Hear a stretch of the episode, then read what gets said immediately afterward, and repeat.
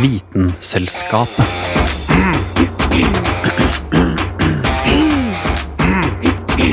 Vitenselskapet. Fjør, sang og flygning. Fugler har mye å by på. I dag skal du få høre om bl.a. verdens dummeste fugl, hvordan en fugl kan bli en dinosaur, og hvordan fugler til og med kan bli bygningsmateriale. I dag er vitenskapen oppe i lufta. Dagens sending er via til fuglen.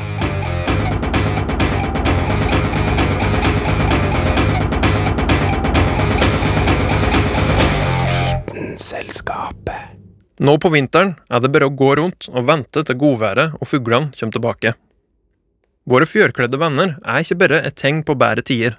De har òg ei sammensett historie og kan brukes til mye rart.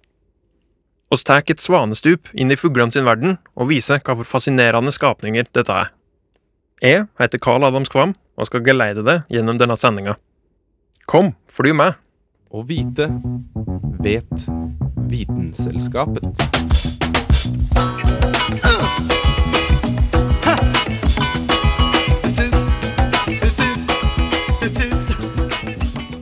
Langt inne i jungelen, midt i Afrikas hjerte, finnes det en rar skapning. Den er rundt 1,5 meter høy og veier inn på imponerende 7 kilo. Men likevel kan den fly. Bare ikke veldig godt.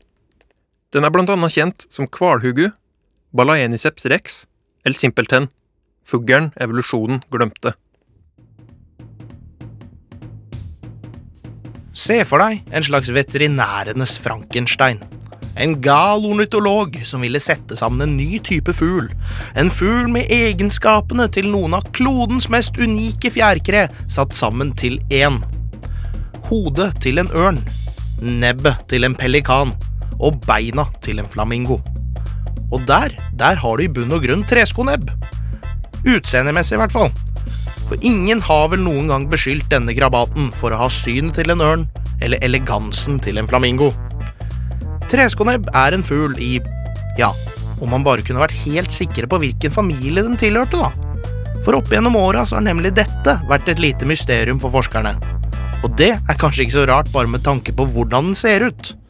Derfor, etter å ha vært plassert i forskjellige leire, er vanlig praksis i dag å plassere den i treskonebb-familien.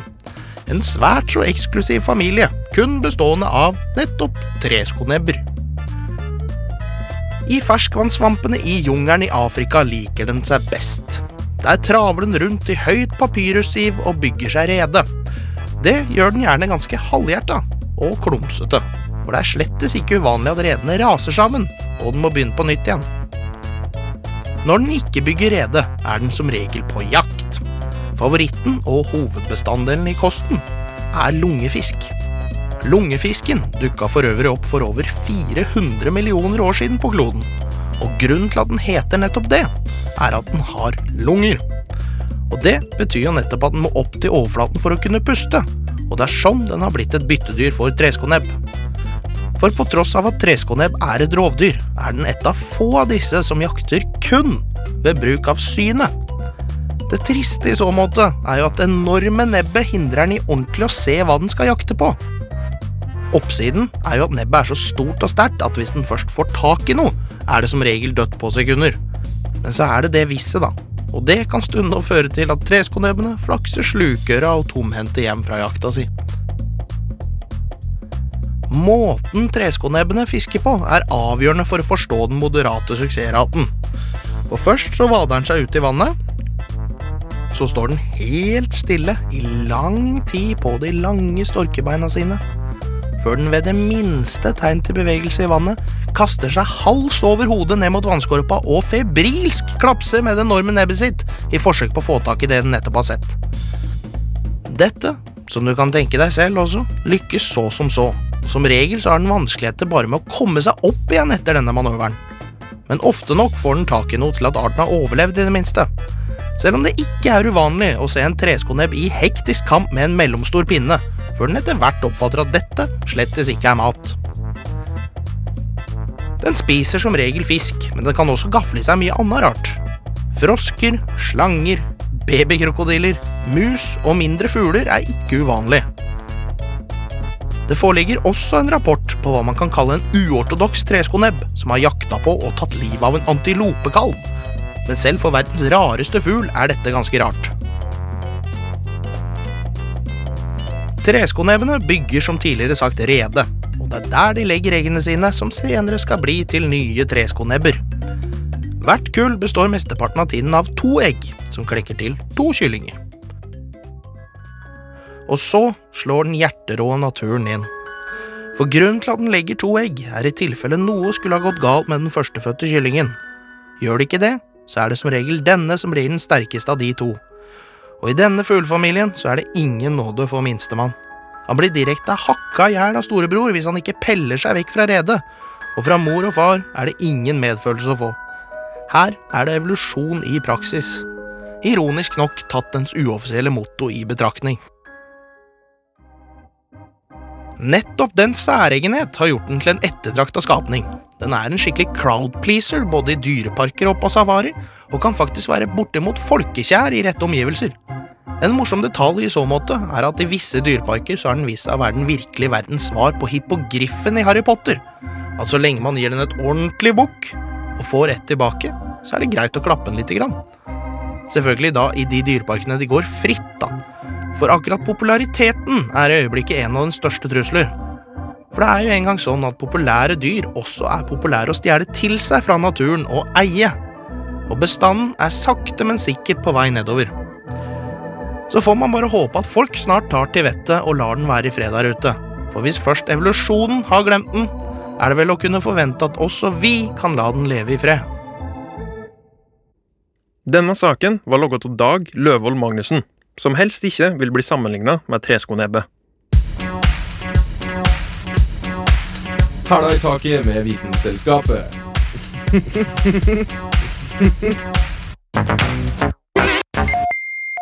Roser er røde, fioler er blå, nebb er kule. Det skal du få høre nå.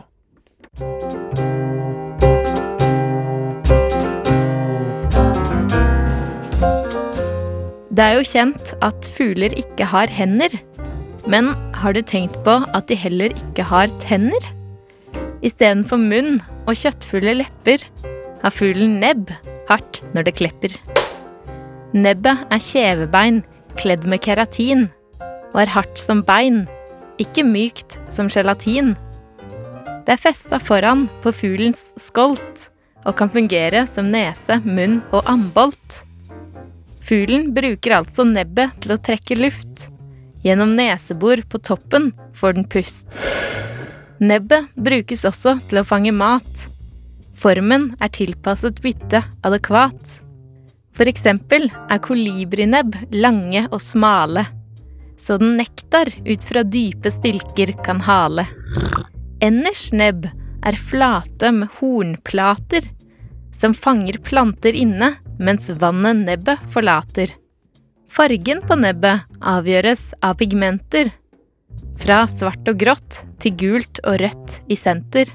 Fugler kan også se i ultrafiolett, og skiller dette spekteret veldig lett. Så noen nebb har UV-flekker, som viser helse, status og gjør fuglen lekker. Kongepingviner har sterke prikker når i par, mens singlepingviner må leve med svakere glar. Nebbet har også andre funksjoner. Det brukes bl.a. i kommunikasjoner. Ugler kan med nebbet klapre når de er sinte og kanskje vil plapre. Fugler kan også bruke nebbet til kyss ved at partnere slår nebbene sammen i kryss. Slik kan også parasitter overføres. Så det er ikke bare hos mennesker kjønnssykdommer høres. Nå har jeg snakka mye om fuglearter, men nebbet finnes jo også hos andre parter. Det finnes hos rumpetroll, skilpadder og nebbdyr. Sistnevnte er eneste benebbede pattedyr. Med det begynner nødrimene og diktet å ta slutt. Jeg håper du har lært noe om nebb av denne snutt.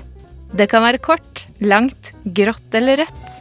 Men felles for alle nebb, de er ikke lepper av kjøtt.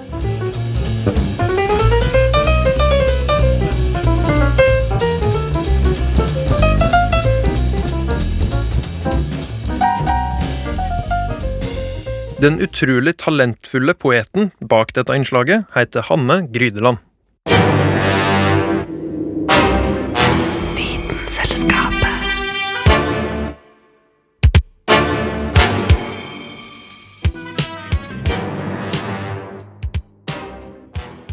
Spørsmålet om hva som kom først, høna eller egget, er gammelt som alle hauger, og blitt diskutert herfra til månen.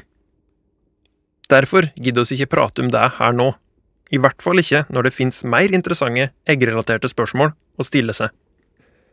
For eksempel, er et egg egentlig høna sin mens? Diskusjonen har oss dessverre ikke plass til her, men jeg kan avsløre at det er stridigheter innad i redaksjonen. I stedet skal vi se på et annet, og kanskje enda viktigere eggrelatert spørsmål, nemlig hvordan utvikler en kylling seg når den er inni egget? Det har vi sjølsagt sett nærmere på, og som med unger flest starter òg kyllingen livet som et glimt i sin fars, eventuelt hanes, øyne.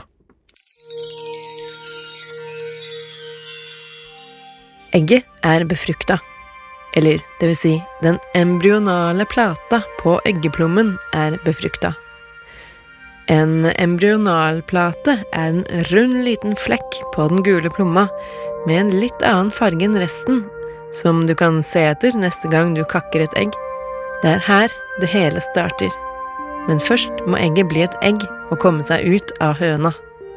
Eggeplommen har hittil ligget inni høna, men nå sendes den ned i egglederen, en lang spiralformet trakt, litt som en spiraliserende vannsklie gjennom hønekroppen. På sklituren ned får plommen først en hinne rundt seg, før den blir dekka av det gjennomsiktige slimet vi kjenner som eggehvite. Siden plommen spinner rundt og rundt mens det sklir, filtrer fibrene på toppen og bunnen av egget seg og lager en tynn, hvit tråd på hver side. Det er denne tråden som man kan se på et rått egg, og som mange tror er begynnelsen på navlestrengen. Men øh, en kyllingfødsel er ikke helt som en menneskefødsel, og det som kan ligne på en navlestreng, er faktisk der for å holde plommen fast midt i egget. Skallet rundt egget dannes helt i enden av egglederen og er laget av proteiner og kalsitt. Det som er unikt med eggeskallet, er at det slipper luft inn uten at innholdet i egget lekkes ut. Dermed er kyllingfosteret beskytta i sin helt egne, selvstendige livmor. Å komme seg ut av høna og inn i skallet tar ca. en dag, og 21 dager senere kommer kyllingen ut av skallet og inn i en ny verden.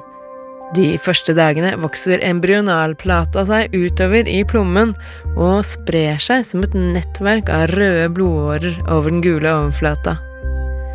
På dag fem kan man tydelig se en liten klump av foster med et stort øye.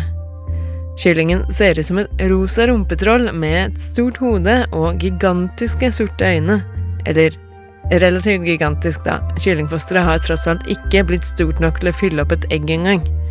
På dag åtte vokser et mykt lite nebb ut av hodet, og kroppen har delt seg i vinger og bein. De neste dagene dekkes kroppen av hårsekker der fjærene skal komme ut, og på stjerten begynner det å danne seg fjon.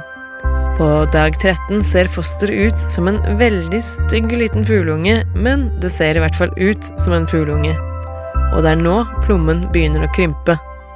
Eggeplommen omtales ofte som matpakka til kyllingen. Men eh, selv om den får næringen sin herfra, spiser den ikke plommen gjennom nebbet.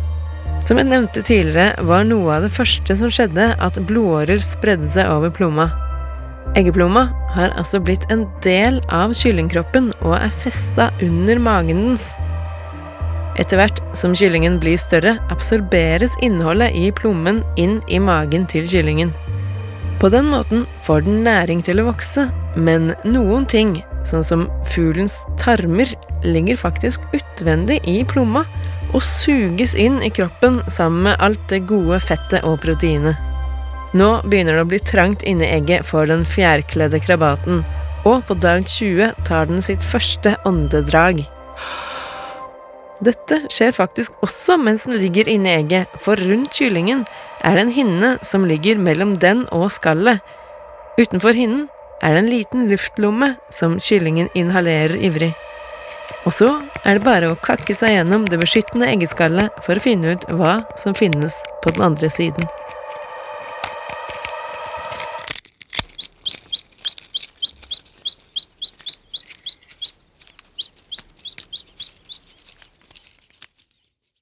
Denne snutten var logget av eggentusiast Kristin Grydeland.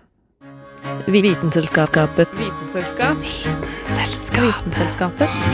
Vitenselskapet. Vitenselskapet. Mange av oss er glad i egg, men har du tenkt over hvor verpehønene som produserer eggene, ender opp? Sunniva Blix har i det følgende innslaget forsøkt å sette seg inn i skjebnene til hønene våre.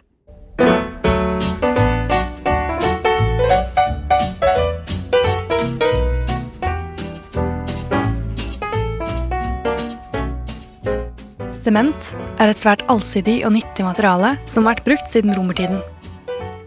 Ved å blande finmalte materialer med vann dannes et svært robust bindemiddel. Men visste du at et av disse finmalte materialene faktisk er høns? Så tar vi blandinga oppi, vi jukser litt, og her er blandinga tilbake. Ifølge Framtiden i våre hender spiser nordmenn i gjennomsnitt 1309,6 kyllinger og annet fjørfe i løpet av livet sitt. Og i 2012 ble det produsert ca. 62 535 tonn egg av norske verpehøner. Men etter ca. 75 uker blir disse verpehønene erstattet med nytt kull ettersom at eggproduksjonen deres synker. Disse verpehønene blir dog ikke slaktet og solgt som kjøtt i likhet med kyllingene. I stedet blir over 5000 tonn, eller 3 millioner høns, kastet hvert år. Bøndene må nemlig selv betale for å bli kvitt hønene, og avliving er den letteste og billigste løsningen. 3200 tonn gassede høns blir sendt til Norsk Protein AS, som er landbrukets renholdsverk.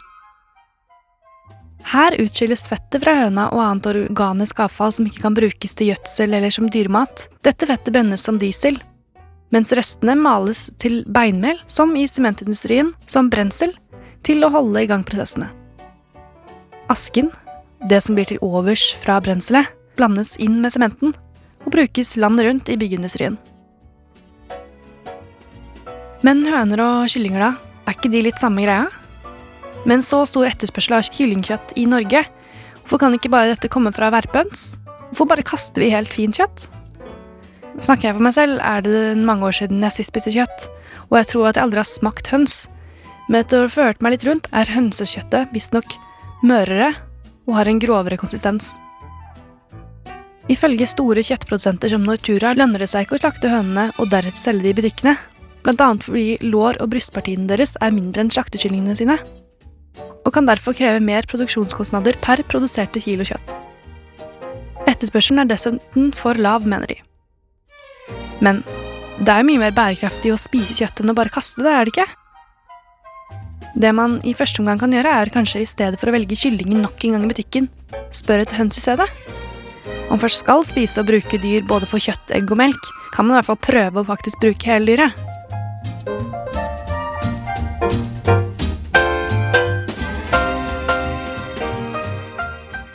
Den som laga dette innslaget, er Sunniva Sol Standnes Blix.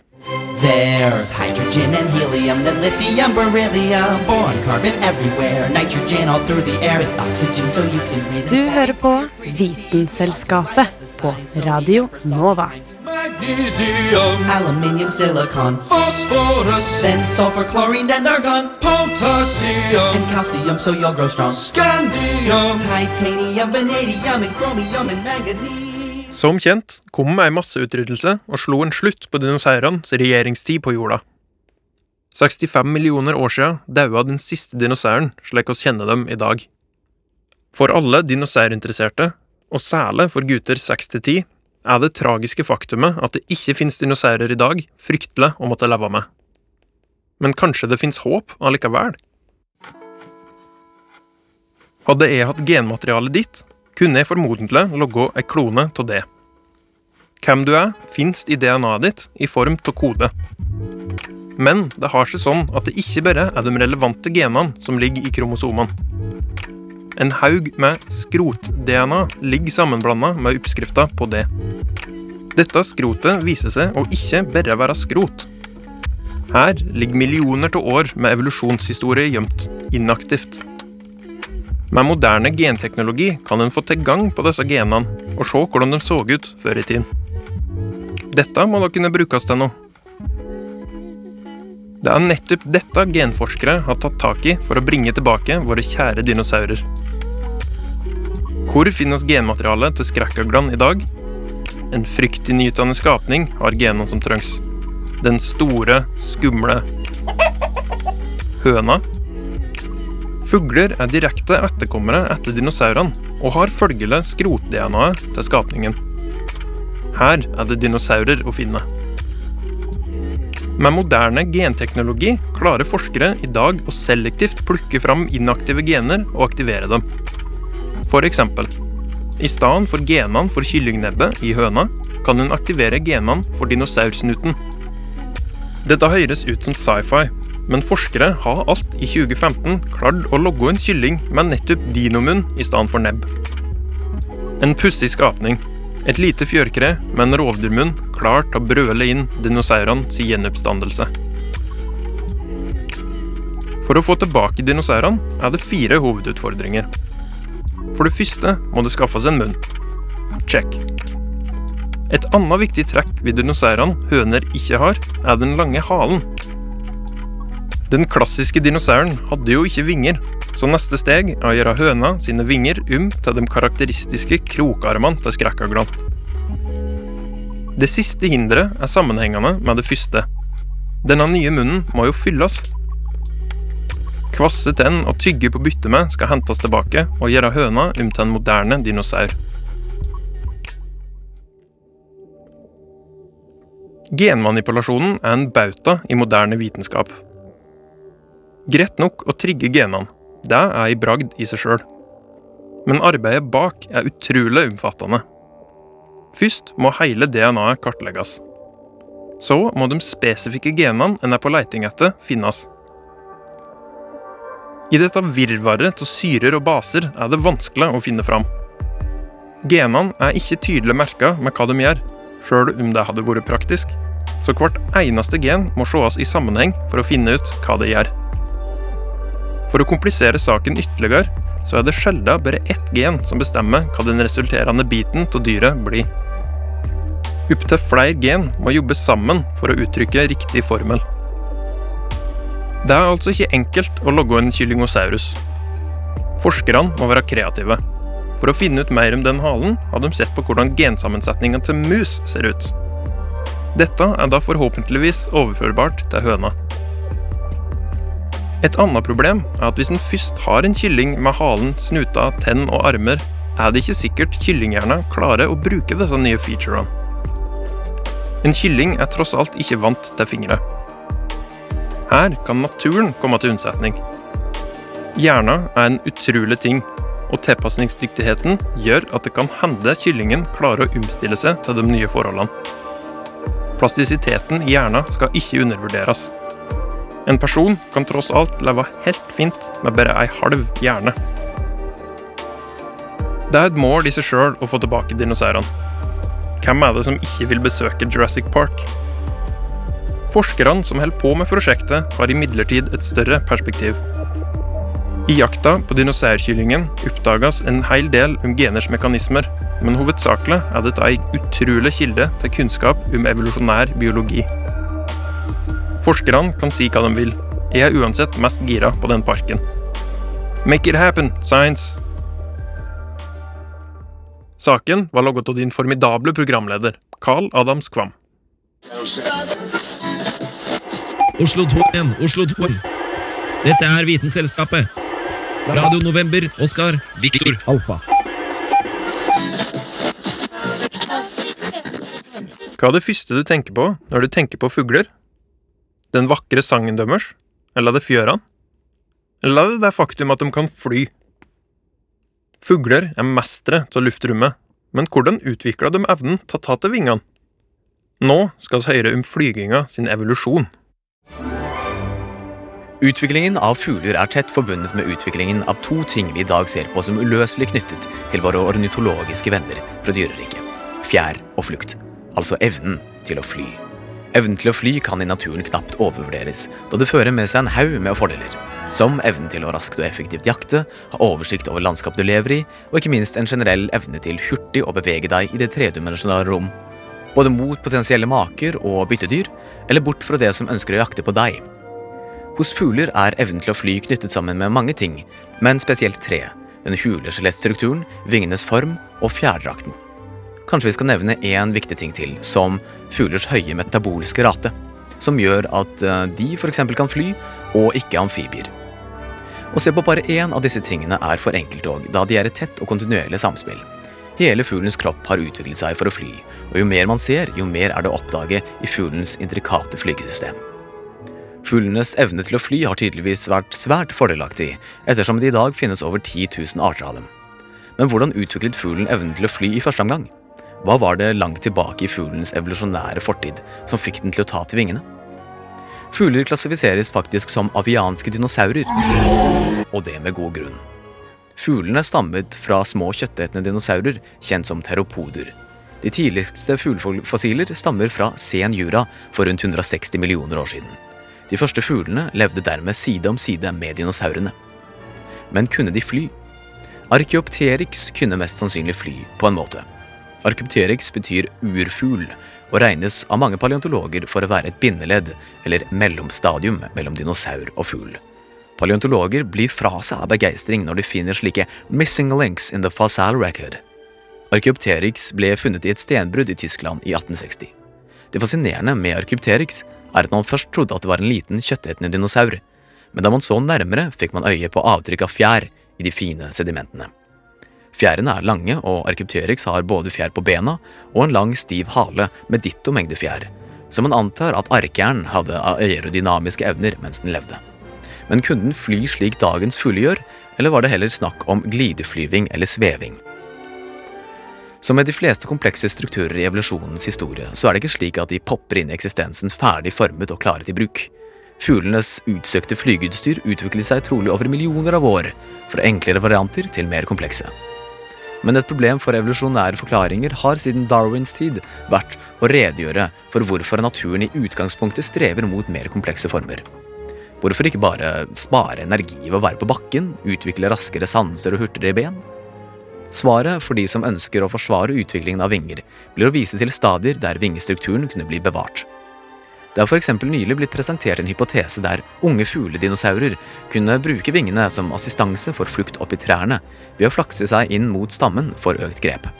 Unge fugler gjør faktisk dette den dag i dag.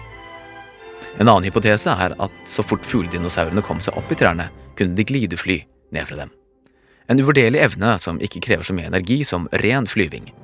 Arkjern gjorde nok nettopp dette, og klatret først opp med sine dinoklør for å få det til. Etter Archeopteryx ble historien om fuglenes flukt fra bakken mer kompleks. Fjærene ble mer strømlinjeformede, brystmusklene ble kraftigere, lungene fikk økt kapasitet, og skjelettet ble uthult.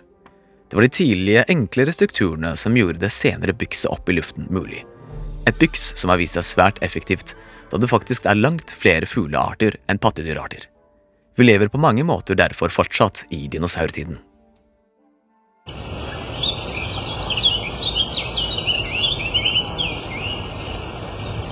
Dr. Grant, my dear Dr. Sattler, welcome to Jurassic Park. Saken var logget av Dag August Schmedling Dramer.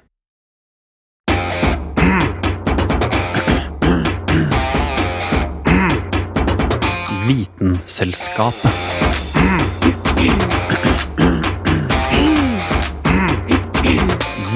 Vitenselskapet. Det var alt Vitenselskapet hadde å by på i dag. Oss flakser oss videre i vitenskapens navn og glir inn til en ny sending neste uke. Until next time.